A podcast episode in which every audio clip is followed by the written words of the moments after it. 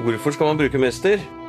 Du har jo utdannet, du har jo giddet å ta deg bryet med å gå skoletida. Både det faglige, økonomi, drift, ledelse, alt som hører med, som du lærer om på mesterutdannelsen. Jeg sier jo med stolthet at jeg er byggmester. Finn din mester blant 70 håndverksfag på mesterbrev.no. Da er du i trygge hender.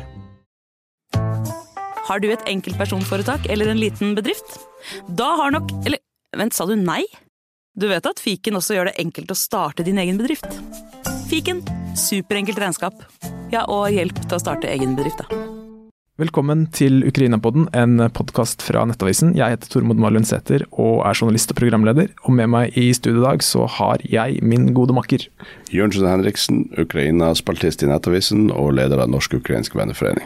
Og dagens gjest, det er selveste Eirik Løkke, rådgiver i Civita. Velkommen til oss. Veldig stas at du holdt på å si, skal ikke si at du slutter sirkelen, men du gjorde nesten din nasjonale debut som eh, USA-ekspert her i Nettavisen for eh, noen år siden. Ja, det stemmer det. Jeg var frivillig for eh, John McCain og brukte sommeren 2008 bl.a. på å være på landsmøtet da i, Minnesota og, og, gå litt rundt og fortelle folk at de burde stemme på McCain i, i USA. og Da ble jeg intervjua av Nettavisen, som tageligvis var det første gangen. Jeg, vet ikke om de brukte uttrykket USA-ekspert, det er jo for øvrig ingen beskytta tittel, men, men, det er iallfall Jeg tror overskriften var noe sånn som McCains læregutt, for de som vil uh, google det. yes. Uh, og du er kommet hit i dag for å snakke om uh, USA, som du er en av, en av våre USA-eksperter. som du sier, ikke en beskytta tittel, men du er jo en av de som brukes Sterk konkurranse. Ja, det, det, er det. Ja, det, og, det er mange USA-eksperter der ute, og selv om jeg har kjent Eirik lenge, så vil jeg med hånda på hjertet si at uh, du er en av de beste. Absolutt. Og så skal vi på en måte linke USA opp mot Ukraina. Det er derfor du har kommet hit i dag. Og uh, Da du kom gående her utenfor i stad, så hadde du et oransje skjerf rundt halsen. Og så skjønte jeg ikke helt hvilket fotballag det tilhørte. Uh, vil du si noe mer om det skjerfet?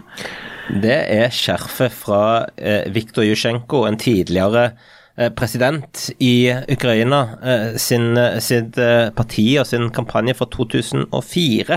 Det som ble kjent som oransjerevolusjonen, hvor bl.a. meg og Jørn var til stede da. Så det var jo en hyggelig opplevelse, og det er jo et minne man har tatt vare på og beholdt. Ja, For det, dere var valgobservatører der sammen, stemmer ikke det? Det stemmer. Det stemmer. Ja. Kan du beskrive litt av hva du opplevde da? Hvordan ditt første, jeg regner med at det var ditt første møte med Ukraina? For, husker jeg helt feil, var du en del av den gjengen som dro ut fra Kyiv? Vi var i Tsjerkasia. Ja, ikke sant. For jeg var i Kyiv med flertallet, men så var det noen få som tok bussen ut til uh... Det var en interessant, eh, det var en interessant busstur. det var vel ca. Ja, hva var det? Mellom 20 og 30 mil. Tre-fire uh, timer. Uh, selve det å være valgobservatør i Tsjekkasia var jo nesten som et sånn kjedelig norsk kommunevalg. Ingen dramatikk, ingen problemer. Gikk helt riktig for seg. Og det hadde jo mye med å gjøre at uh, for å være uh, litt sånn uh, falsk beskjedenhet til side, at Jørn og meg var til stede sammen med rundt 11 000 andre. Ja. Det pleide å være det normale var rundt 2000-3000, men det var jo den ukrainske studentorganisasjonen som hadde bedt den europeiske om å sende så mange vi kan, og vi var vel 18 stykk fra Norge som, som dro, og så var det mange fra resten av Europa også, og så var det mange fra sivilsamfunnet samfunnet for andre deler. Og det viser jo bare den betydningen av offentlighet. Eh, som gjorde at det var veldig vanskelig å jukse. De hadde forsøkt før og, og greid det delvis, men heldigvis så ble det eh, overprøvd av, eh, av um, den, den, nasjonale valgkommisjonen, eller eh, hva det var, som gjorde at det ble et nytt valg, da. Eh, og noe av det mest spesielle var jo at selve valgdagen var jo 26. desember, altså andre juledag. Og det ble jo egentlig mer kjent i Norge for noe annet, nemlig den store tsunamien i Asia. Men jeg husker jo at vi visste jo ikke Dette var jo litt før du hadde 24 timer tilgang med, med iPhone. Mm. iPhone kom vel i 2007, det var 2004. Så jeg var ikke klar over hva som hadde skjedd nærmest for sånn tolv timer. Heller var jeg ikke helt klar over hva som hadde skjedd for litt siden når du fikk se de bildene. Ja. Men, men, det slår meg som at det å gå eh, mer enn en time i dag uten å vite at noe sånt har skjedd, ja. hvor eh, mange nordmenn mista livet, det gjorde jo også at veldig mye av nyhetene snudde, da. Vi var vel flere hundre tusen på Maidanplassen på kvelden der, men det var jo resten av verden var jo opptatt av litt andre ting da, akkurat på det tidspunktet. Og eh, det, det, er sant, det hadde jeg nesten glemt, men, men eh, jeg husker at vi diskuterte at det, Jeg vet ikke helt hva som har skjedd der borte, mm. men det må være stort for alle journalistene har dratt. Ja. For vi hadde flere avtaler med journalister i løpet av valgdagen og dagen etter, og så fikk vi bare SMS at de, de dro til, eh, til. Sørøst-Asia. Vi møtte vel en VG nettjournalist på flyplassen på vei hjem? Ja, ikke sant. Det var, det var én igjen, iallfall. Det var. Ja, ja. Det var ei fra da TV 2 Nettavisen, var ikke Ja, det? det stemmer nok at vi er var det, som- til samme selskap da. Som vi skulle møte, som, som jeg så på når jeg kom hjem til Norge, så jeg på, på, på TV fra Sørøst-Asia. Ja, så det stjal rett og slett oppmerksomheten. Og jeg er jo litt yngre enn dere, jeg ble født i 1994, så jeg fulgte ikke veldig Det har jeg nevnt før. Um, men jeg, jeg, jeg husker veldig godt tsunamien, uh, at det stjal alle overskrifter. Uh, men jeg kan ikke huske oransje revolusjon fra liksom, nyhetene den gangen. Da. Så var det riktignok tatt inn av en ti år gammel uh, gutt, så det var jo spørs hvor, hvor mye jeg uansett fulgte med. Men det er interessant å høre hvordan det stjal oppmerksomheten. Og Jon Færseth, som var Ukraina-poddens første gjest, som gitt ut en eminent bok nå i høst som heter eh, Sett spesialoperasjon. Ja, spesialoperasjon. Spesialoperasjon, ja. Eh, Veldig, veldig god bok. Han går helt tilbake til oransjerevolusjonen for å forklare krigen vi nå ser utspille seg i Ukraina. Så det, det starter på mange måter der ved at Putin rett og slett ikke fikk det som han ville da, i Ukraina. Nei, og så, forener han seg, tror jeg. Mm. Altså, han gratulerte jo da Janukovitsj, eh, som jo kom tilbake senere, eh, og eller forgiftingen av Jusjenko. For de som er litt inni det, og det tipper jeg mange lyttere av Ukraina på den er. Husker det vansira eh, ansiktet av Jusjenko, du var usikker om han kom til å overleve. Men jeg tror også, man skal huske det hvis man går litt dypere inn i det, betydningen den gangen USA hadde, og Colin Powell, som tok en telefon og advarte regjeringen, altså da Janukovitsj-regimet, mot å gripe til makt. Og mot for det, dette kunne blitt slått voldelig ned. Eh, hvis de hadde sagt sånn at vi vant dette valget. Litt som vi så i Hviterussland for noen år siden. Eh, det var ikke utenkelig at det kunne skjedd, men da var USA veldig ban... Vi kommer ikke til å sitte stille og se på. Eh, så allerede da ble jo den Ukraina som, som, som, som et bindeledd i maktkampen mellom USA og Russland. Eh, og dette glemte nok aldri uh, Putin. Og husk at dette er helt tilbake til 2004, hvor mange i Vesten ennå var litt usikre på hvor var det Putin skulle. Jeg husker selv jeg hadde et mye mer positivt inntrykk av Putin på begynnelsen av 2000-tallet. Altså etter noen år med med, med, med Jeltsin, som jo mye kaos og mye, mye full og ja, mye usikkerhet.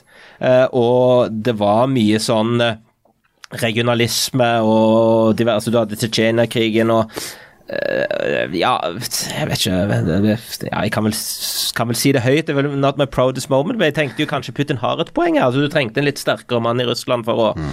og, og, ja, jeg oppfatter han også til at han egentlig var ganske vestligvendt, sammenlignet med en del av de andre sånn Tsjirinovskij-figurene og ultranasjonalismene som var der.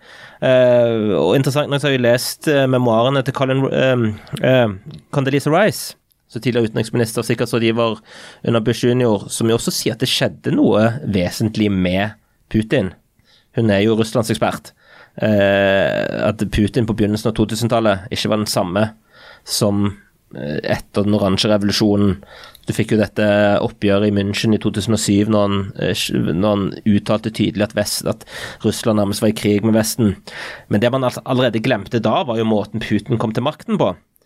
Uh, og det heva over ganske mye tvil. Bevisene er veldig sterke for at FSB, som sto bak terroraksjoner i Moskva, vi sprengte disse blokkene, mm. og hele denne, for å bruke uttrykket til Færseth, spesialoperasjonen til FSB, uh, for å gi Putin politisk kapital, da. Og for å legitimere krigen mot Tsjetsjenia og skaffe Putin som sterk mann. Så allerede da så hadde jo både meg selv og mange andre undervurdert hvilken type vi hadde i, i, i, i, Moskva, som, som vi nok gjorde dumt i. Hele verden som feilberegna det, stort Ganske sett. Altså, det, var, det, var, helt sikkert noen som advarte mot Putin allerede da, men altså, sånn, gjengs oppfatning rundt omkring var at han var det Russland trengte, og det verden trengte. Mm. Han, han, som ble giftmorda med sånn radioaktiv te, hva var han heter han? Litvinenko? Ja, og det var jo for at han, han bidro til å avsløre det her med at uh, Eh, at det var FSB og russerne sjøl som sto bak de bombene. og Det var derfor han ble likvidert. Du har hatt en del av disse russiske oligarkene i London. Mm. Berezovskij, med mm. flere som har dødd på litt sånn ja. uh, mystisk vis. og det, altså, uh, en, en, veldig god amerikansk journalist som heter David Satter. Uh, som skrev en bok, om det var tittelen eller undertittelen 'The less you know, the better you sleep'. vi hadde den på et møte sammen med Atlanterhavskomiteen for en stund tilbake. Og han sa noe sånt sånn at i Vesten så er det vanskelig å forstå Russland. så En forutsetning for å forstå Russland er å akseptere at fantastiske ting kan skje. Mm. Dette er ikke som Vesten. når du aksepterer det premisset, så blir det enklere å forstå. Det er ikke alltid like enkelt, men enklere å forstå. Det, det er noe å ta med seg, og det tror jeg sånn eh, vi satt på, på slutten av 90-tallet, begynnelsen av 2000-tallet med FSB kan stå bak egne. altså Dette er for mye Hollywood-aktig. altså. Mm.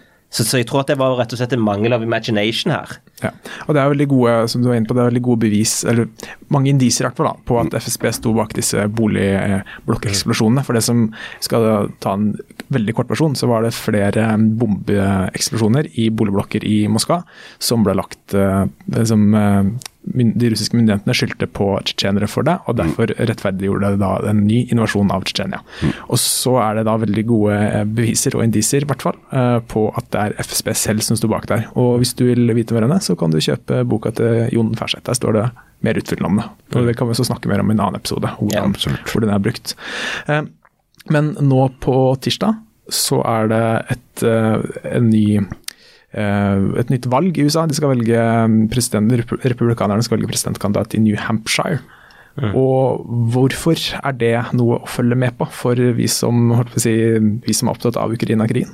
Rett og slett fordi at eh, USA er den viktigste allierte Europa Ukraina har. Hva som skjer i USA, eh, kommer til å være ekstremt viktig for hvilke muligheter eh, Ukraina har for å, å forsvare seg og, og sågar vinne tilbake territorium. Eh, og blir det Trump, som det nå ser ut til, som har det store grepet om det republikanske partiet, så er det helt sikkert mye kaos. Uh, og mye usikkerhet. Uh, og det han har uttalt om Ukraina og hyllesten av Putin som han stadig vekk kommer med, lover jo ikke bra der.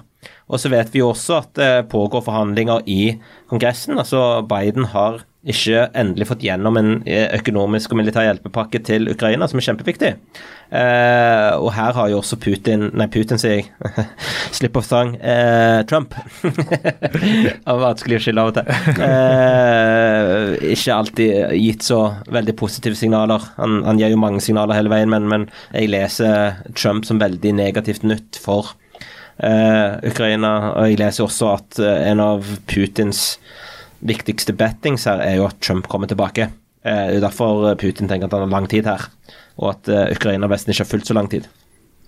Og um, det, så dette um, forholdet Trump har til både Ukraina og Russland er jo litt skal vi kalle Det er i hvert fall ikke helt godt med Ukraina. Det, du hadde jo en kommentar om det for en uke eller to siden. Ja, altså den, Både det at han har en veldig usunn eh, eh, hva man skal si, affeksjon for diktatorer generelt.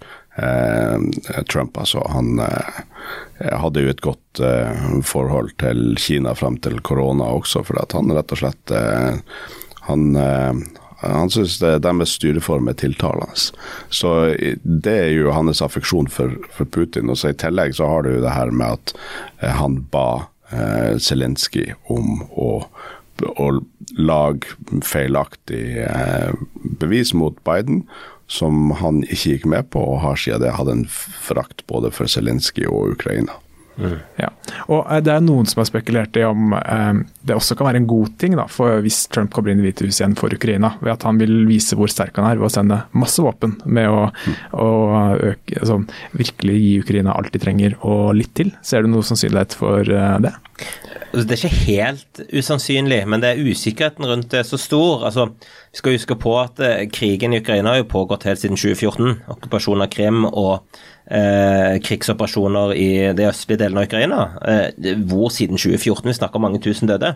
Eh, men under den perioden, altså fra Obama til Trump, så ble det jo levert våpen, altså type javelins og andre ting som var helt avgjørende for eh, Ukraina fra USA under Trump-regimet, det hadde nok veldig mye å gjøre med eh, Kongressen og med folkene i kabinettet til, til Trump. Altså Jim Mattis, eh, Rex Tillerson McMasters. Ja, ikke minst. De voksne i rommet, som de ofte blir omtalt til, uten at Trump gadd å bry seg så mye med det, fordi han holdt jo på med sine møter og rosende ordlag av Putin eh, på samme tid. Så Eh, det kan jo være at han eh, fortsetter å rose Putin på ulike måter og likevel sende noe våpen for å Ja, men, men, jeg tror at du har færre voksne i rommet med hvis uh, Trump kommer tilbake. Og det gjør det også mer usikkert og, og, og, og mer bekymringsfullt for, for, Ukraina og Vesten. Ja, for han har også lagt en si, bedre plan den gangen her enn i 2016. Altså, har, de har lagt ut, eh, Det her er ikke mitt sterkeste felt, mm. men de har vel lagt ut en slags plan for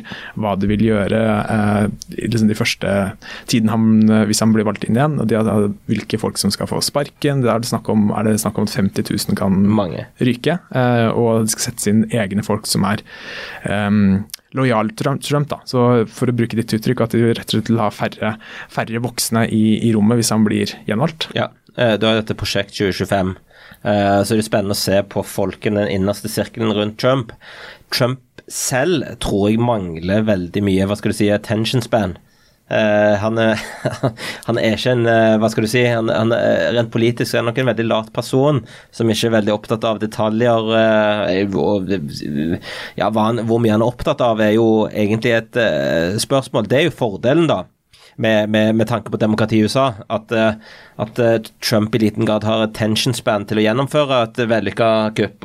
Men hvis du får flinke folk i hermetegn, da, eh, som har autoritære vendinger og autoritære synspunkter rundt han blant disse loyalistene, så kan det jo bli veldig farlig. Og du skal være helt sikker på at russerne jobber nok veldig hardt eh, bak her med å påvirke og se hvem som kommer inn i, i, i Trumps innerste sirkler. Ja, for det er som du var inne på i stad, det er deres store håp da, at uh, Trump igjen, blir gjenvalgt, og at på måte, politiske klima skal dreie ytterligere i deres favør. Eh, men dette delstad, eller um, primærvalget, er det ikke det heter? Primærvalget. Jo, eh, på tirsdag. Hvordan ligger det an med altså, Hva sier prognosene? Nå spiller vi inn det her på fredag, mm. og når du hører på det her, så er det tidligst søndag. Så det her det skal jo sies at det er muligens kommet noen nye prognoser etter at det her slippes, men hvordan ligger det an? da? Enorme tabben Trump hadde på lørdag, eh, har spilt inn. Nei. Eh, men det er jo da det er tre kandidater det står mellom sånn reelt sett. Det er to. To, ok. Ja. Ja, det er tre som skal DeSantis er ferdig. Ja, Men han er, han er fortsatt med. Ja, han er fortsatt med, men, men han, er, han er knapt det. Han er mer opptatt av South Carolina. Du skal jo del, ja. del, dette er jo andre eh, delstatsvalget etter Iowa. Mm. Og så skal du i utgangspunktet ha eh, minst 50 til. Du har i tillegg noen territories som Puerto Rico og andre plasser som også kan sende eh, delegater. Eh, men eh, slik det ser ut nå, eh, så leder Trump med litt over 10 prosentpoeng. Ja. Eh, så skal vi huske på at New Hampshire er en delstat som er, har et velgergrunnlag som er litt annerledes veldig mange av de andre. Det er også der sånn at uavhengige kan komme og eh, stemme, som er en eh, noe av årsaken til at Nikki Haley, altså den viktigste utfordreren til Trump, eh, eh noen ord om Nikki Haley også, altså i denne sammenheng veldig sterk forkjemper og støtte til Ukraina. Uh, det jeg vil klassifisere som en typisk Reagan-republican. For noen år siden så skulle jo alle i det republikanske partiet etterappe Ronald Reagan, altså den store stjernen. Reagan i dag hadde knapt kommet gjennom noe nominasjonsmøte. Nå er alt, eller veldig mye blitt uh, Trump og Maga. Uh, populisme. Haley står for peace, true strength. allianser forsvare eh, demokratier som en del av USAs interesser, selvfølgelig. Uh, og Hun hadde jo også en veldig god kronikk i Wall Street Journal hvor hun sa if um, Russia wins, China wins. Mm. Så hun har jo også den koblingen, for det Kina er jo uh, noen, en av de få tingene som forener republikanere og demokrater. Men hun ligger da rundt 10 prosentpoeng bak Trump i New Hampshire. Uh, har en liten sjanse nå med, å, med, med, med de, de, gjenstående dagene med å samle mer støtte. Så er det litt usikkert på hvor mange uavhengige som gidder å møte opp, og, og, og hva de stemmer. Uh, men jeg vil også tro, tippe der, at Trump vinner. Og selv om Haley skulle vinne i New Hampshire, så er Trump den store, store favoritten. Hans grep rundt det republikanske partiet nå er veldig sterk. Så har du selvfølgelig masse X-faktorer rundt rettssakene. Høyesterett skal avgjøre om han i det hele tatt er kvalifisert til å være på valg Stemmer det? Etter at bl.a. Colorado sin høyesterett sa at han var skyldig i insurrection og automatisk diskvalifisert. Og Det skal nå Høyesterett i løpet av få uker ta, ta, stilling til. Ja, og Det er dette grunnlovs... Altså, det er en del av den amerikanske grunnloven som ja, sier 14. grunnlovstillegget. Ja, og Nå får du arrestere meg hvis jeg forklarer det er helt feil, eh, men det er det at de som har, um, er, har deltatt i en sammensvergelse mot staten, de kan ikke bli eh, valgt til eh, Eller de kan ikke ha offentlige embeter. Ja. ja. Eh, og det er det disse da, delstatene. Det er Colorado, som du sa, og så er det Maine og et par eh, Ja, så er det mange andre som vurderer det. Ja. Men, men, men, husk at dette er jo en, en føderal bestemmelse, altså et grunnlovstillegg som gjelder for hele USA. Mm. Og da må altså For det kunne jo tenkes at det var enkelte delstater som hadde spesielle regler, men tolkningen her må Høyesterett inn, og de Ja, man kan si at de kanskje burde vært tidligere ute også. Eh, eh, for å avgjøre hvordan denne tolkningen Eller hvor, eh, hvilken tolkning vi skal ha det 14. grunnlovstillegget. For dette vil gjelde for alle mm. delstater. Kan vanskelig tenke meg noe annet. Altså, at du, det, det, det, sier jo også at du trenger ikke å ha blitt dømt for noe, eller sågar vært ansvarlig, men ha deltatt or give aid to. Så det, det er jo en bestemmelse som ble brukt mye for de som var Ehm, på sørstatssiden under borgerkrigen, men det er helt åpenbart måten det er skrevet også skal ha gyldighet for fremtidige situasjoner. Også for Høyesterett nå avgjøre hva tilfellet er her. Ja. Og Vil du komme med noen spådommer på hva de lander på, eller er det ja, vanskelig? Jeg tror ikke de kommer til diskvalifisering på denne bakgrunn. Jeg tror at Høyesterett også skal også ta stilling til denne ideen til Trump om at han har absolutt immunitet for sine handlinger som president som nå skal gjennom en, en, en, en uh, domstol i lavere instanser. Uh, det er jo derfor du har fått en del overskrifter nå, når, når Trump og hans team hevder at uh, Trump i realiteten kan beordre drap på politiske motstandere, og, og, likevel ha immunitet, med mindre han blir dømt i en riksrett. Men det er totalt absurd. Altså Dette minner meg jo om det gamle utsagnet til Trump at han kunne gå ned og skyte noen på Fifth Avenue og ikke miste noen støtte. Bokstavelig talt argumenterer han for at han kan gjøre det. Uh, og der var tross alt mange har ment, uh, meg selv inkludert, at Nikki Haley har vært for lite kritisk til Trump. Jeg skjønner at hun må manøvrere, men i debatten, da, uh, på CNN mot DeSantis, ja, jo, så sa hun jo dette er totalt It's ridiculous. Mm. Altså, hun var iallfall tydelig der. Og det er jo det, det, altså, Argumentet er så latterlig at det er spørsmål om Høyesterett i det hele tatt kommer til å ta det. Men det, jo, de kunne jo tenke seg at de vil dømme mot Trump der, og så dømme for Trump i spørsmålet om han er kvalifisert eller ikke. Jeg tror i alle tilfeller ikke at Høyesterett har lyst til å gå i den retningen å diskvalifisere Trump. Men, men, men, jeg noterer meg at andre konservative skribenter, konservative, eh, mener at, at Høyesterett burde, bl.a. David Trench, som skriver i New York Times, som mener at dette er et helt åpenbart tilfelle, det som skjedde 6.1. Og jeg, jeg syns de har noen gode argumenter, men jeg tror ikke Høyesterett kommer til landet. Nei, de, det, det er jo en tall order og skal diskvalifisere den som er helt tydelig frontrunner mm. eh, fra valget. og det, vi kan jo tenke oss hvilken type eh, gjentagelse av 6.1 som skjer hvis de, hvis de gjør det. Mm. Eh, men eh, ja, Nei, altså New Hampshire nå det, det, Resultatet i Iowa var jo dårlig for Haley. Hun klarte ikke andreplassen. Hun havna bak DeSantis, samtidig som DeSantis jo er ferdig. Trump vant veldig klart. Hadde det vært nærmere og hadde hun tatt andreplassen, så hadde hun fått en sånn boost uh, som gjør at hun kanskje hadde gått forbi Trump i, New Hampshire. Og det, det, kan hun jo fortsatt gjøre, men nå er det vel sånn at hvis Haley vinner New Hampshire, så er det fortsatt kamp. Men hvis hun ikke gjør det, så er det over. Ja, det, det, det, er en analyse jeg kan langt på vei stille meg, stille meg, bak. Selv om hun kommer veldig nærme, så er det, så er det liksom det siste hengende håp i snøret eh, på at noe kan skje. Men klart at Hailey kan jo tenkes å være med en stund nettopp pga. alle disse rettssakene, faktorene, hvis det skjer noe. Og husk at med Trump så er det konstant politisk kaos hele veien. Altså Altså det, Dette valgåret som vi er inne i nå, 2024, kommer til å bli ulikt noe annet. Og da tar jeg med 2016 og 2020 òg, med Trump. Med alle disse X-faktorene, rettssakene. Eh, Trump som nå nylig ble kastet, nest, om han ble kasta ut, eller iallfall trua med kasta ut for denne defamation-saken og voldtektssaken i, i, New York. Det er bare faen meg helt fantastisk at du har en, en jury som sier at frontrunneren, altså Trump, er skyldig i voldtekt uten at det har noe å si. Altså det er jo så det er så absurd og det er, det er, så farlig, men det er vanskelig å unngå at dette blir normalisert.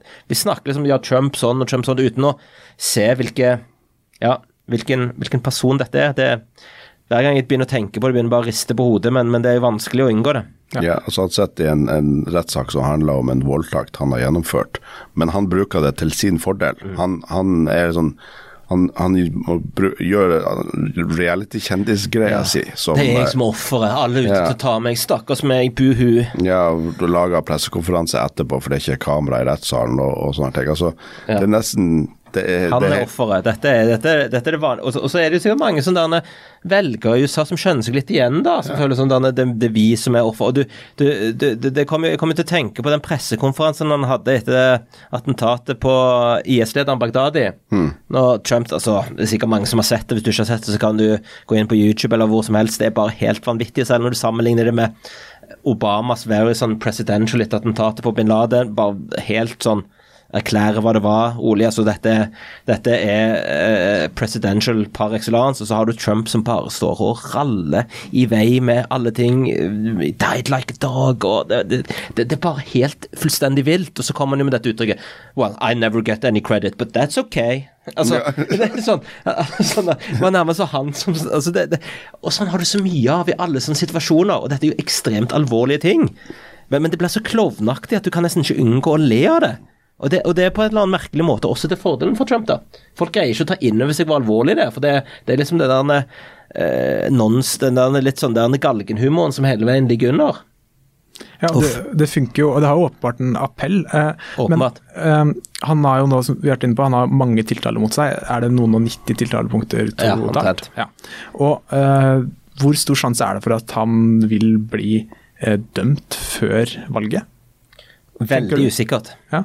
Veldig usikkert på hvor raskt de kom i gang med disse rettssakene. Husk på at det ene av de gjelder jo delstaten Georgia. Ja. Og hans forsøk på å på ulovlig vis eh, overprøve eh, valget i Georgia, det er jo bl.a. denne berømte, for ikke å si infamous, eh, samtalen han hadde med Brad Raffensperger, som da var secretary of state i Georgia, republikaner som hadde ansvar for gjennomføringen av valget. Så det er Find me 11,000 votes, et eller annet. A perfect phone call, som han kalte det. Men som, du har det på tape. Mm. Han sier jeg vil at du skal prøve å stjele 11 000 eh, stemmer, slik at det er jeg som vinner. Um, der sliter han, og der har du også bl.a. Uh, Giuliani og uh, mange av de folkene rundt. Advokaten til Trump. Ja, ikke sant. Som også er tiltalt. Mm. Og så hvor mange av de som skal inngå avtale med aktoratet, som igjen blir negativ for Trump. Og der kan han ikke benåde seg sjøl. Ikke engang eh, guvernøren i Georgia kan benåde uten et sånn eh, panel. Eh, og hvordan det kommer til å spille seg ut hvis han skulle bli dømt i Georgia som presidentkandidat for republikanerne.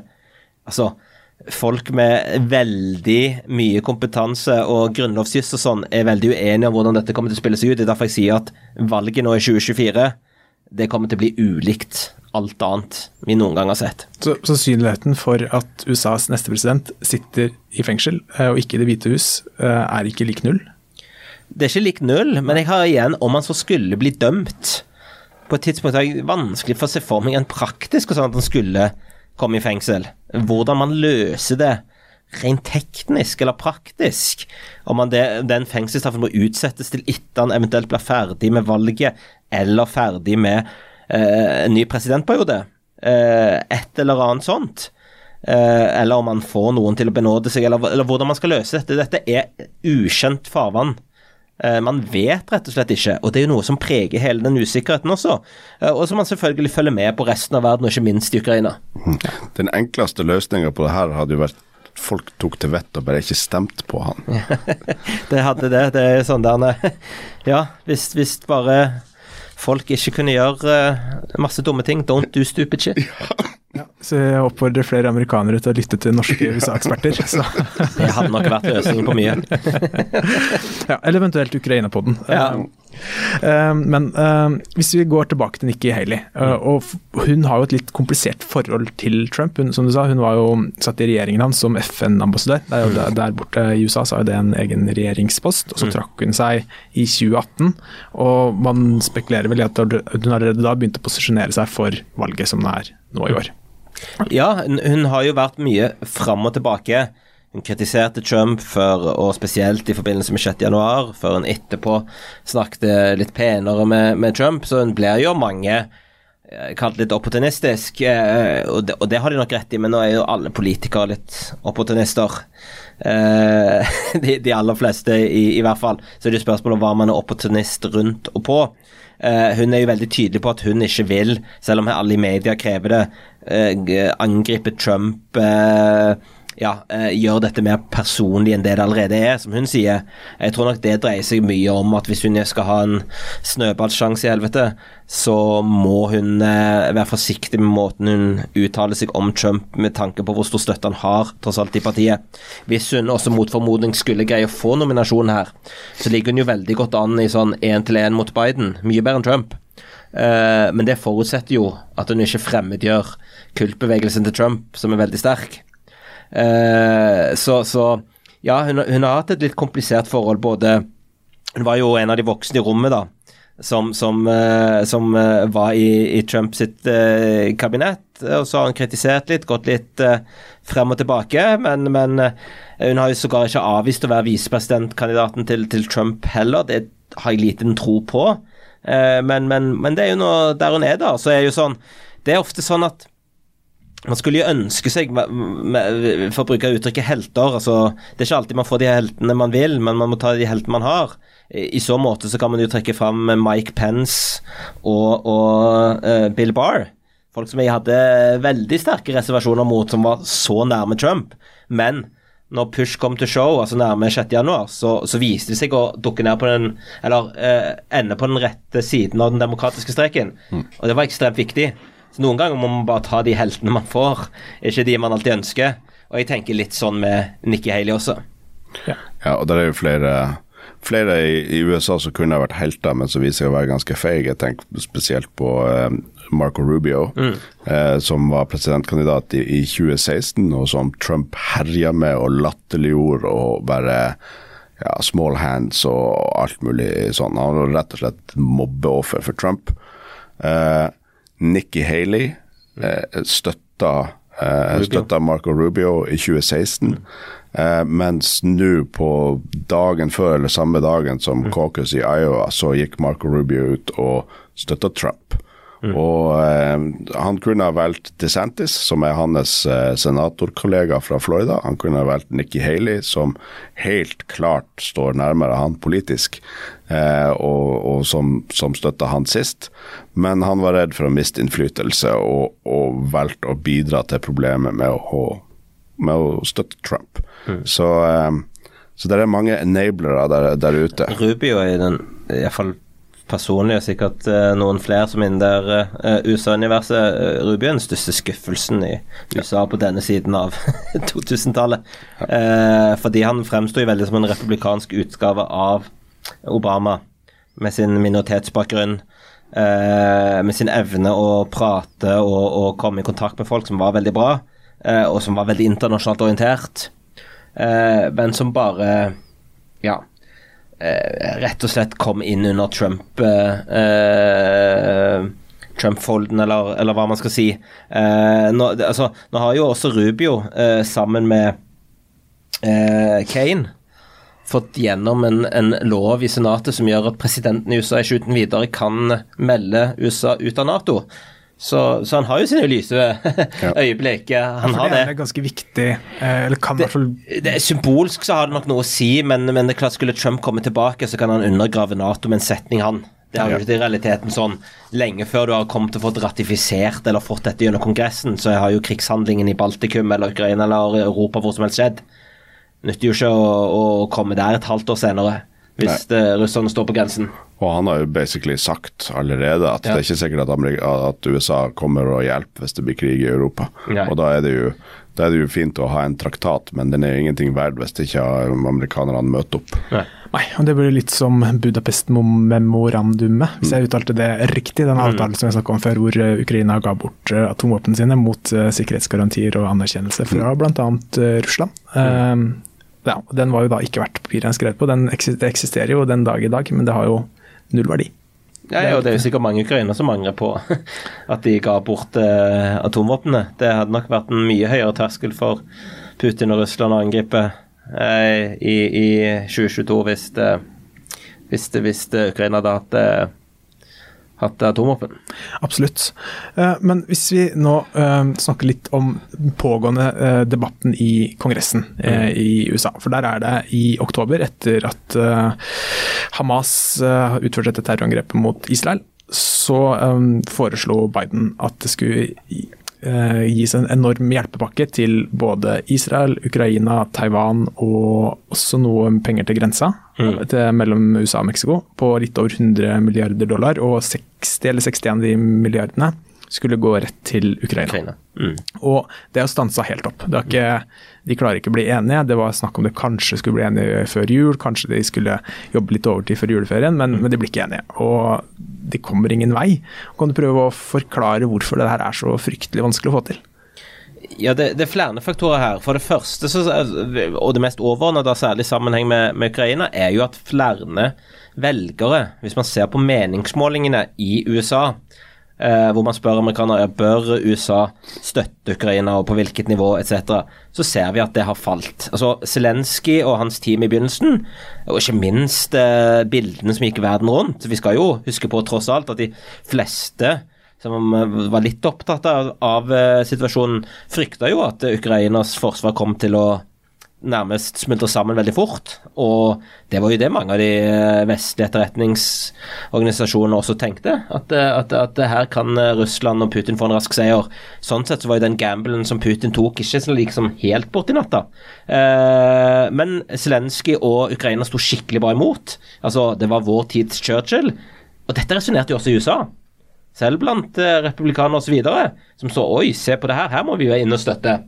Men den har gradvis etter hvert som det har ikke har vært like hot i nyhetene Det har vært dyrtid i USA, det har vært dyrtid i mange plasser. Mange sider, så blir det mer at ja, ok, det skjer ikke så mye i Ukraina, vi har jo tross alt mange nok problemer her i USA. Hvorfor skal vi sende masse penger? Det er, sånn, det er ikke så masse penger hvis du ser på størrelsen av budsjettet i USA, men Det er 5 like, av forsvarsbudsjettet ja, deres for et ja, år. Ikke sant? Det er, det er ganske ja, og USA har allerede tjent inn det og mer til på de økte forsvarsbestillingene fra allierte i Europa og andre steder. Så økonomisk sett så er dette veldig lite å si for de andre situasjonene, altså de sosiale utfordringene i USA. Men, men, men det, persepsjonen er jo viktig her. Ja. Uh, hvorfor skal vi i USA sende rundt omkring? Uh, og, og, og, det er hovedgrunnen til at dette nå har blitt vanskelig. Veldig mange republikanere, og spesielt blant republikanske velgere, er nå mer avventende til å hjelpe Ukraina. Og men, det, det, materialiserer seg jo i Kongressen. Men det er jo også en prosess som har skjedd fordi at Trump aktivt har undergravd eh, standinga til eh, Ukraina i det republikanske parti. Absolutt. Absolutt. Og mange av de eh, fremtredende stemmene i, i, i eh, det republikanske partiet, eh, folk som Marjorie Taylor Green og, mm. og andre, eh, litt mer i kokkoland for å bruke det uttrykket, som dessverre er blitt altfor normalt, men det er nå så er ikke spesielt uh, Ukraina-vennlig. Du har jo hatt også han Vivek Ramaswamy, som jo også var en sånn klovnaktig koko-figur uh, som var med i, uh, i presidentvalget nå, som sa at ja, nei, det er så ille i Ukraina. Det er nærmest som et autoritært diktatur, ikke noe forskjell fra Russland, eller ikke, i hvert fall sånn virkelig undergravd det. Og, og spredd masse desinformasjon om forholdene i Ukraina, som jo også påvirka en del i det republikanske partiet, men det, det, det mer eh, illustrerte hvor, hvor, vinden blåste, da. Og så Biden så jo dette, så han var jo redd for da, at han ikke skulle få gjennom en pakke til Ukraina, men ved å koble det til Israel, blant annet, som jo fremdeles har mye sterkere støtte, særlig blant republikanerne, og særlig etter 7. oktober, så kunne man sånn linke dette sammen. Dette provoserte jo også veldig mange i det republikanske partiet, for de ville ha separate avstemninger om dette, uten at de fikk det. Og så I tillegg så var det jo spørsmålet om grensen. Eh, og nå må man jo bare si sånn at eh, USA har store problemer med grensen mot Mexico. Ingen nasjon burde ha ukontrollert innvandring på den måten. Eh, så det burde jo, altså, og, og at du har altfor mange i det demokratiske partiet som verken skjønner dette eller vil skjønne det, og måten de kommuniserer på, er jo bare en eh, Det er bare det, det, det, er ikke noen fordel opp mot valget i 2024, for de vanlige amerikanerne er opptatt av dette. Uh, uh, og på den andre siden, og dette vet jo også republikanerne Jeg skal prøve ikke å komplisere dette for mye, da, men uh, er veldig, republikanerne er veldig interessert i å ha dette problemet gående. Så selv om du nå har hatt forhandlinger og har fått ganske sånn tøffe tiltak på plass om hvordan man skal patruljere grensen. Den der uh, The Wall, altså at man skal bygge fysiske avsperringer. Uh, er inne i bildet, men i alle fall at du skal få kontroll på grensene, at du har de tøffeste tiltakene sikkert noen gang som man kan få på plass. og Likevel så er en del republikanere eh, opptatt av at det, dette skal ikke løses, for det er negativt for oss politisk. Og når hele dette sammensuriumet kommer sammen, så det er noe av årsaken som forklarer at det har vært vanskelig å få støtte til Ukraina gjennom. Alt henger sammen med alt som Gro Harlem Brundtland en gang i tiden sa. ja, og, og, det er jo noe av det som er greia som du, prøver å forklare her, at um, republikanerne har sagt at de vil ikke gi noe penger til Ukraina før problemene på grensa er fiksa. Ja. Så har da eh, Biden og hans administrasjon prøvd å komme de i møte på visse mm -hmm. punkt, men så vil fortsatt ikke republikanerne godta det, fordi de er tjent med at det er kaos. Er det det er, en, det er, litt for mange republikanere er for opptatt av det. Ja. For Du skal huske på at du skal jo ha med mange nok. Eh, og så har du jo en del på demokratisk side, eh, mer av den progressive delen, som ikke er glad i dette i det hele tatt som eh, mer eller mindre ønsker, om ikke fri innvandring, så, med, så, ser de på den type politikk som rasistisk eh, ja, og, og, og, har ikke lyst til å, å, å, gå med på det. Eh, men altså, jeg tror da at på et eller annet punkt så kommer mange nok moderate, for å bruke det uttrykket, i USA til å komme sammen. Jeg tror ikke eh, det republikanske partiet og, og House Speaker eh, Mike Johnson kommer til å leve lenge nok med å bare kunne utsette og utsette etter hvert som det blir tydelig for velgerne hva som er problemet. For da risikerer de å få en blowback hvis de bare obstruerer. Klart eh, Maga-delen og Trump-delen kan, kan, kan, kan, overbevise folk om mye. Det var vel Abraham Lincoln som sa You can fool some of the people some of the time, but not all of the people all of the time. Nå har jo Trump utfordra det det, det utsagnet ganske betraktelig, da.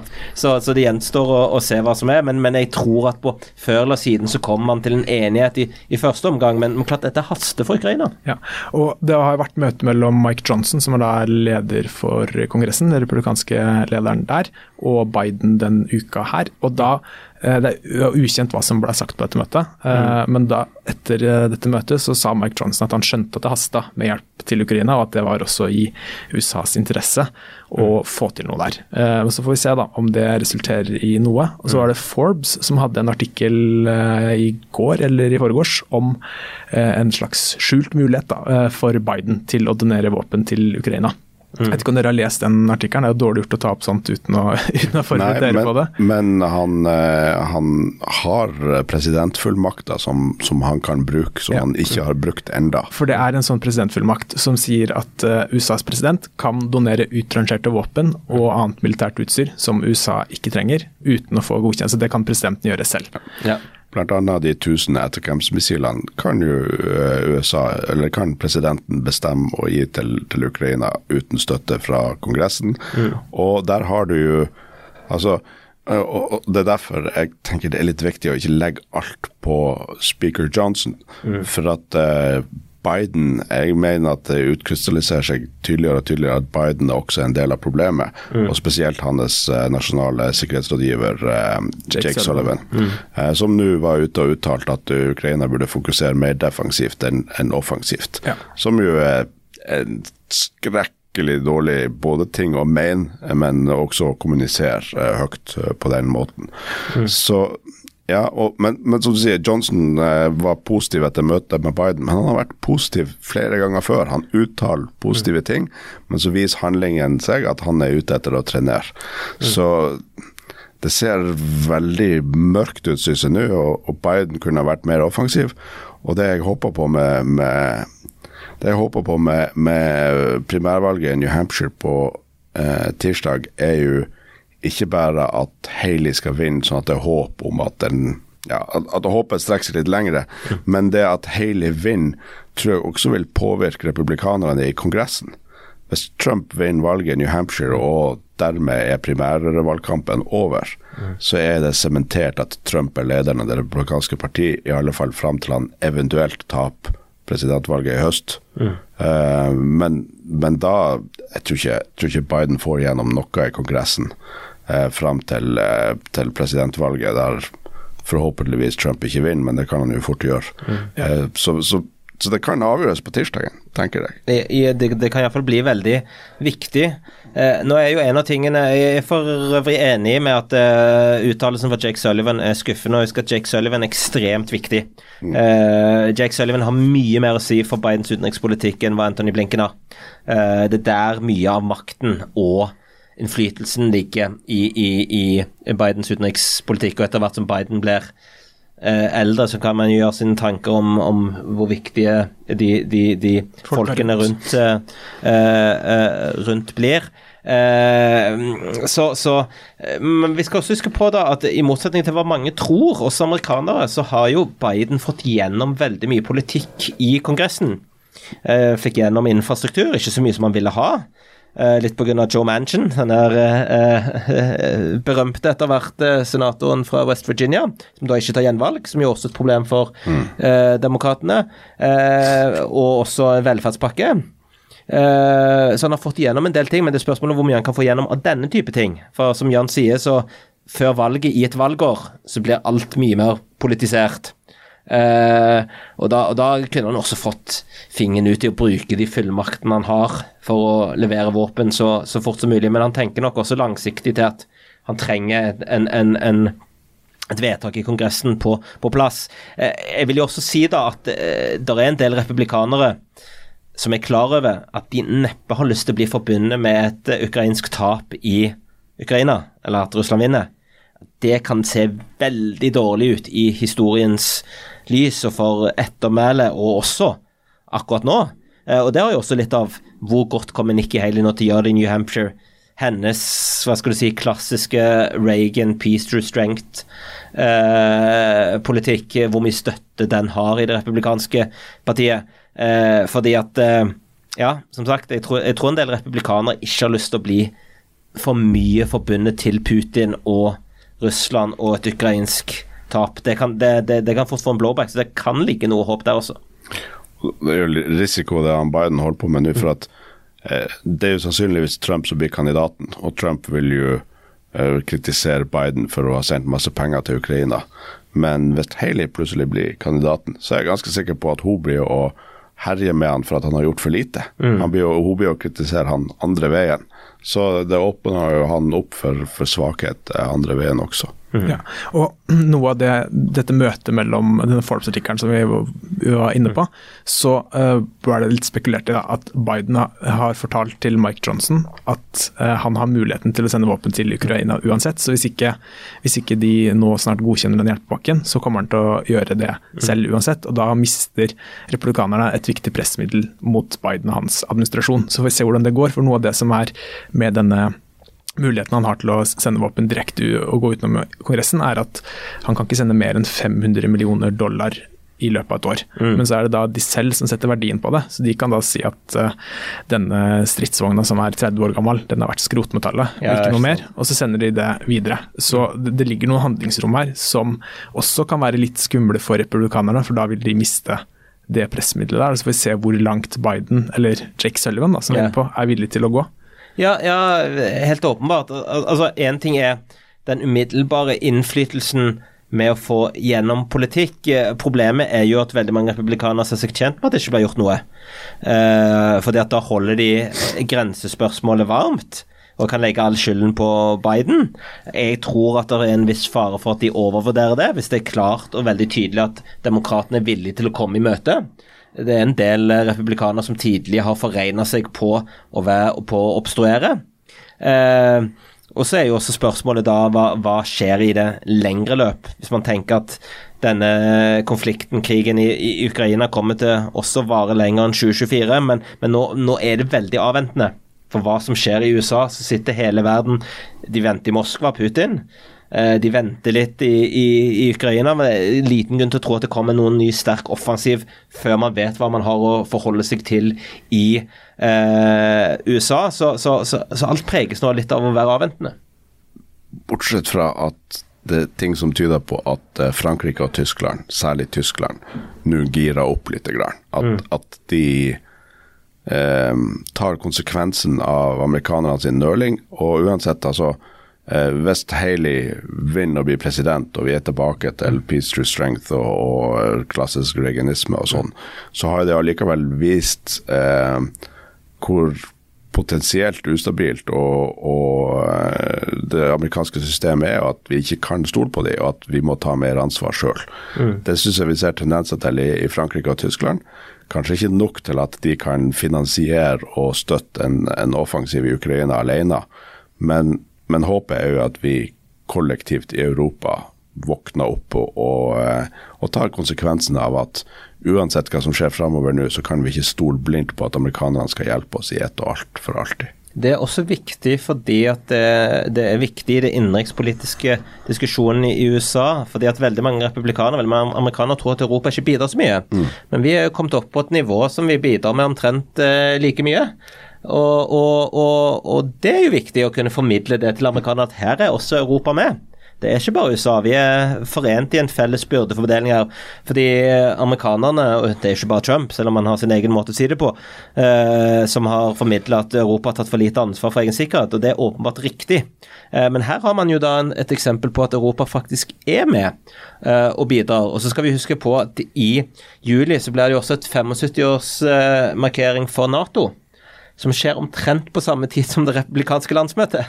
Noe som preger hele måten av hvordan dette her skal kommuniseres. Eh, forhåpentligvis er også Sverige helt klar med i Nato da, så du har fått Sverige og Finland med. Eh, så, så hvordan, hva, hva, som kommer ut av det, eh, hvordan, hvordan dette blir kommunisert, og om man får politikk på plass, nemlig med støtte til Ukraina, ja, man bør jo helst få det på plass lenge før juli, men, men, men likevel det er en interessant ting at du har et republikansk landsmøte omtrent på samme tid som toppmøtet i, i Washington DC med 75-årsmarkering for, for Nato. Absolutt. Så det, er, det, blir et veldig veldig spennende år, det, det, det, som kommer. Og vanskelig å si hva som skjer. Men eh, kan, det er vanskelig å gjette hva som skjer videre. Men det er også vanskelig å si noe om hva som hadde skjedd, da. Hvis f.eks. din læremester eh, eh, hadde blitt valgt til president eh, da han tapte jo mot eh, Bush. Mm. Uh, nei. nei. Han tapte mot, Bush i 2000, men han ja. tapte mot Obama da, ja, det, for du var, du var der. Erik Løkke tydeligvis ikke gjorde jobben sin. Ja. fikk han valgt.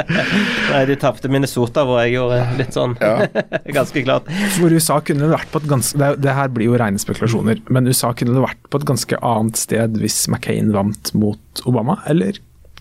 Ja, uh, McCain var nok mye hardere i utenrikspolitikken. Iallfall retorisk, men det er noe med at for eh, ansvarlige kandidater, som både Obama og eh, McCain, så har presidentembetet en, en, eh, og hele institusjonen rundt en tendens til å moderere den ene eller andre retningen. Eh, som antageligvis også ville skjedd med McCain, men eh, vi husker jo eh, George Bush jr.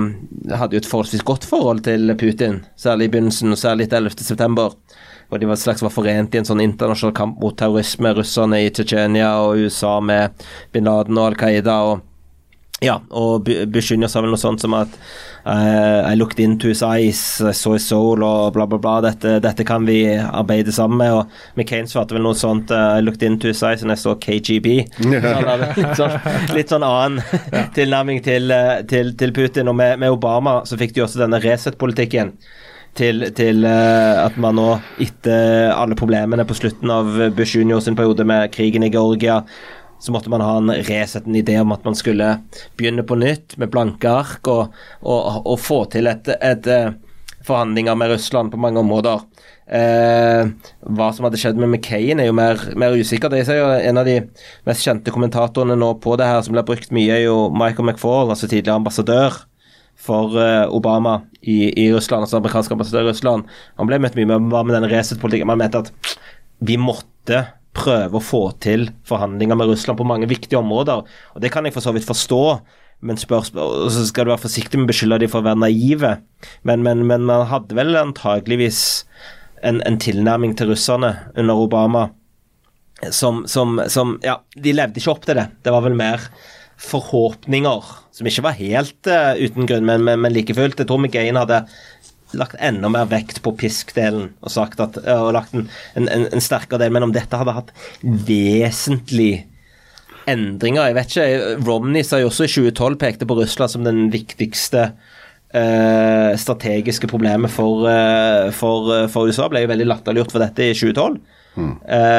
så hvis det hadde blitt annerledes der, kanskje. Men, men, men, men, man skal være forsiktig med å overdrive betydelsen av én person på de områdene. Jeg er ikke så sikker på at med McCain under roret så hadde ikke Putin eh, intervenert og, og gått til angrep på Ukraina. Det tror jeg kanskje han hadde, hadde gjort nesten uansett. Ja, ja, men jeg, jeg, tror jo også at altså, Jeg er enig i at uh, det var for så vidt rasjonelt å prøve den resettpolitikken til Obama, uh, men jeg, til hovedkritikken mot han er den svake reaksjonen på Krim uh, og, og, Donbas, og at det er kanskje der forskjellen Eh, med Romney eller McCain kanskje har vært større. Og det var mange som kritiserte at, at, Obama For de ba jo om javelins da, og kunne ha tidlig i denne konflikten påført russerne eller eh, de russiske eh, etterretningsaktørene som var der, påført de større tap, og, og kanskje de hadde Kanskje den konflikten ikke hadde gått så langt da som, som den gjorde. Jeg er helt enig. Jeg skal skyte ned javelins, er sånn det vi, det vi ufaglærte kaller bazooka. Eller, altså, du, ja, ja bazooka er noen andre verdenskrig-greia. Men, men det er, det, RPG. RPG ødelegger eh, stridsvogner. Ja. En antistrids- antipansermissil. Litt morsomt. Norge hadde tenkt å pensjonere den mm. fordi at vi trodde at de ikke kunne ødelegge russiske tanks for at uh, de var markedsført som så utrolig usårbare. Mm. Så viste det seg at uh, T90M, som er den mest moderne russerne har brukt i Ukraina, ble ødelagt av en svensk Carl Gustav, som er liksom forrige generasjon ja. panservernvåpen digresjon, men Obama kunne ha gitt mer våpen, han kunne ha vært tydeligere. Han kunne, ha, han kunne ha slått neven i bordet og sagt at nå trekker dere det tilbake, eller så får dere reaksjoner. Mm. Um, og, men det her er jo kontrafaktisk historie, ren spekulasjon. Mm. Men jeg tror det er først der at jeg tror det kunne ha vært forskjell. Og der tror, Det er ikke bare de to. Jeg tror hvis Hillary Clinton hadde vunnet i 2008, så tror jeg også hun hadde vært klarere når, eh, når russerne annekterte Krim. Ja, for hun var også veldig klar på, på i hermetegn valget i 2012, som jo var en av de tingene som gjorde Putin veldig sint, mm. sies det. Uh, og som hele den operasjonen mot Hillary Clinton i, i kampanjen i, i, 2016, i samarbeid med Wikileaks og at nå, nå er sikkert mange av disse Assange-tilhengerne som kommer til å kjefte på meg etterpå, men, men likevel. Eh, eh, Hillary Clinton var også mye tydeligere i sin kritikk på det eh, området. Og Der hadde man jo også hele det dilemmaet om hvor sterkt man skulle gå ut med dette i 2016, og hva mm. russerne holdt på med. Mm. Fordi at du hadde jo Trump som motkandidat, som hylla eh, Putin hele veien. Husk, på, husk igjen på av alle disse galskapsutsagnene til Trump, når han ble intervjua om om Obama og Putin, så mente han jo at Putin var en mye bedre president, mye sterkere leder. Så fikk han jo spørsmålet tilbake men Putin eh, går jo rundt og myrder journalister og sånn. Ja, ja, men han er iallfall en leder, sånn i motsetning til Obama. Uh, altså det, ja, det er, helt, det er, fullstendig vanvittig. Så det var vanskelig ja. å få et sånn forent, uh, eh, samla amerikanske uh, press mot Russland i 2016 fordi at republikanerne sa rett ut vi vil ikke støtte det her. Vi anser dette som politisk for å svekke, svekke Trump. Eh, vi skal også huske på at både Hillary Clinton og Obama måtte virkelig dras gjennom hårene for, for å få på plass Magnitsky-loven. Mm. Eh, det har vært en egen podkast alene, hele den eh, Magnitsky-saken, men, men, men like fullt. Veldig anbefaler å lese begge bøkene til Bill Browder. Veldig, veldig gode bøker. Kjempebra bøker. Jeg fikk lede en samtale med Bill Browder, som vi også har på Civita sine hjemmesider. Men si, uh, si, to ord om den saken, da. Ja, Magnitsky-saken uh, handler jo om en uh, russisk advokat, Sergej Magnitsky, som etterforsker korrupsjon på vegne av Bill Browder. Bill Browder, amerikansk kapitalist og investor og forretningsmann som hadde masse penger i, i Russland. Uh, ja, mista masse penger, var mye rart som skjedde i Russland. Magnitsky uh, etterforsker der. Uh, avslørte enorme mengder korrupsjon. Uh, gikk til de russiske myndighetene med det her, og ble selv fengsla. Og ble torturert og drept i fengselet. og Browder, som hans advokat altså Browder sa jo til Magnitsky at du må komme deg ut herfra, vi er i ferd med å trekke alt ut. Nei, han ville stå på loven her, som en sånn virkelig idealist. Snakk om helter. Altså, du finner ikke mer perfekt eksempel enn Sergej Magnitsky, som hele veien trodde på the rule of law, selv i Russland, men, men endte opp med å bli drept i fengselet. Og Browder sa til det hvis du ikke kan få eh, rettferdighet i Russland, så skal jeg faen meg få det til ut forbi.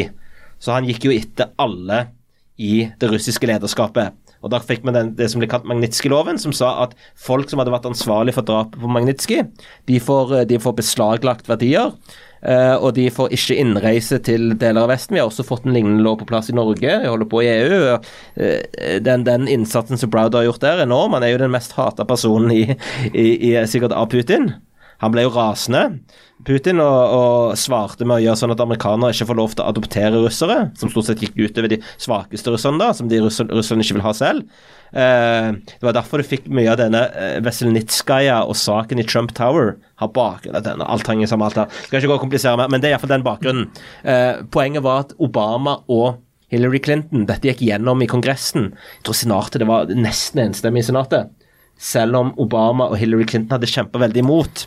Eh, og så kan man til deres forsvar si at de er opptatt av at de skal ha muligheten til å drive utenrikspolitikk. Mm. Utenrikspolitikk er prerogativ, altså det som tilhører kabinettet, presidenten og, og Utenriksdepartementet, og ikke Kongressen.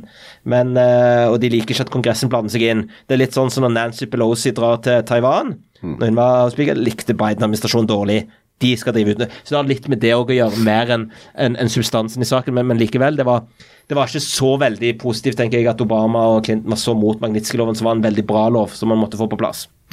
Og så i det hensyn så vil jeg anbefale å google og finne eh, et nylig offentliggjort eller deklassifisert brev som eh, Richard Nixon skrev til Bill Clinton. Eh, og det var rett før Richard Nixon døde. Eh, og Det handler om Ukraina, bl.a. Han påpeker at du må, være, du må støtte Ukraina. Ukraina er ekstremt uh, viktig i den postsovjetiske sfæren, og du må ikke høre på Utenriksdepartementet. Og Han argumenterte med å, å peke på flere eksempler bakover at, at Utenriksdepartementet og alle de som jobber der, de er ute etter å, å redusere risiko. Så du vil aldri få modige eh, eller fremoverlent politikk fra dem. Så du må være tøff som president i utenrikspolitikken og, tøff og, og tørre å si Utenriksdepartementet er imot. Mm. Alle som er interessert i statsvitenskap og eh, internasjonal politikk og sånn, så er det et veldig interessant brev. Eh, og et godt eksempel på at det stemmer, er jo at når Roald Reagan holdt uh, 'Tear Down This Wall'-talen i Berlin, så hadde Utenriksdepartementet prøvd å fjerne den setninga fra talen hans i hvert fall fire ganger. Mm. Og han måtte til slutt si at det er jeg som er president, det er jeg som holder talen. Eh, så, så, så, denne loven kan godt være et eksempel på det. Det her med, med, med at vi er frustrert over at amerikanerne ikke er tydeligere i Ukraina. Det kan også være et sånn eksempel på at Utenriksdepartementet og beskyttelse av status quo, og vi må gjøre litt, men ikke for mye, at, at det er også et element inni det her. Det var en veldig god analyse ja. som helt på. Ja, for det, Kjernen i det brevet som du var inne på, var vel at, at, de som kommer til topps i Utenriksdepartementet, de kommer seg til topps fordi de er flinke til å unngå risiko. og De tar ingen sjanser. Ja. Det, det, er kan... jo egentlig en god beskrivelse av hele offentlig sektor. Ja. Det kan du si eh, i Norge også, på litt annet nivå. Mm. Altså det, eh, ved å ikke ta sjanser, ved å ikke utsette seg selv for risiko, så, så kan du stige i gatene. Hvis du vil være litt modig, så er nedsiden enorm hvis du tar feil. Mm. Så du har jo ikke, og, det, og, Et stykke på vei så skjønner man jo hvorfor det er sånn, eh, men, men, men, det er jo likevel et problem. da, Hvis man skal prøve å løse ting og gjøre nye ting osv., så, videre, så utsetter man seg selv for risiko. så det er jo, ja. ja det er jo bare en del av sånn denne insentivstrukturen er lagt. Ja. Hvis, ja. hvis, verden trenger artilleriammunisjon, så kan du ta djerve grep og finansiere det med en gang, så at det kommer fort opp og gå, eller så kan du gjøre litt og litt og legge til rette for og, og sånn. Ja. ja. Uten at jeg skjønner hva du sikter til. Nei. uh, nei. Godt det. Uh, men jeg tenker vi skal avslutte med uh, et nytt hypotetisk spørsmål som vi ikke har svaret på. Mm. og Trump har jo tydeligvis en fascinasjon eller, for Russland og, og, Putin, og også andre sterke diktatorer. Men tror du eh, det er Trump som har en fascinasjon for dem, eller er det Russland som har noe på Trump og andre republikanere? Altså om, om du tenker sånn kompromat? Kompromat, ja. For det, det, det, har vært spekulert en del i det rundt omkring, også i den podkasten her. Om, måte, om uh, Russland har et pressmiddel mot Trump. Uh, ja, godt spørsmål. Det var jo veldig mye av den der uh, Steel Report og hele diskusjonen rundt det. Uh, altså Christopher Steele, som da var tidligere MI6, uh, britisk etterretning, som først på vegne av en konservativ gruppe, The Washington Beacon og senere på Clinton-kampanjen, skulle finne ut sånn uh, opposition research, altså negative ting om motstanderen, og komme opp med Steele-dossier. Veldig berømt dossier nå.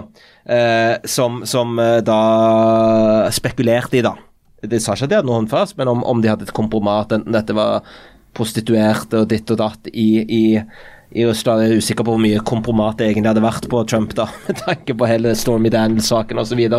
Men, men, men eh, det, det, det, Atferden til Trump var så ekstremt ulik alle andre presidenter, og selv den der hyllesten av Putin, og spesielt det møtet i Helsinki, Eh, hvor han gikk mot alle etterretningsorganene i USA og støtta Trump. Og sa sånn Ja, men han var så sterk og fortalte meg at de ikke gjorde det, ja, men da må det jo være sant. Mm. Altså, det var jo for øvrig da Fiona Hill, som jo var i sikkerhetsdriven, sa at hun lette etter brannalarmen.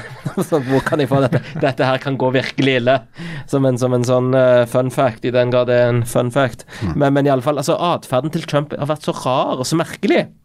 Eh, at må, det må jo være noe mer her. Men kanskje det bare er sånn Trump er. Jeg, jeg tror også sånn litt klok av skade her at, at eh, Bare skal være rett og slett forsiktig gå inn der, men du kan jo ta bort hele stildossier, som ikke er spesielt viktig når man ser på Møller-rapporten, som veldig klart slår fast at russerne eh, gjorde masse for å prøve å få eh, Trump valgt. At det var i deres interesse. Uh, og, og, Trump gjorde lite eller ingenting for å motvirke det.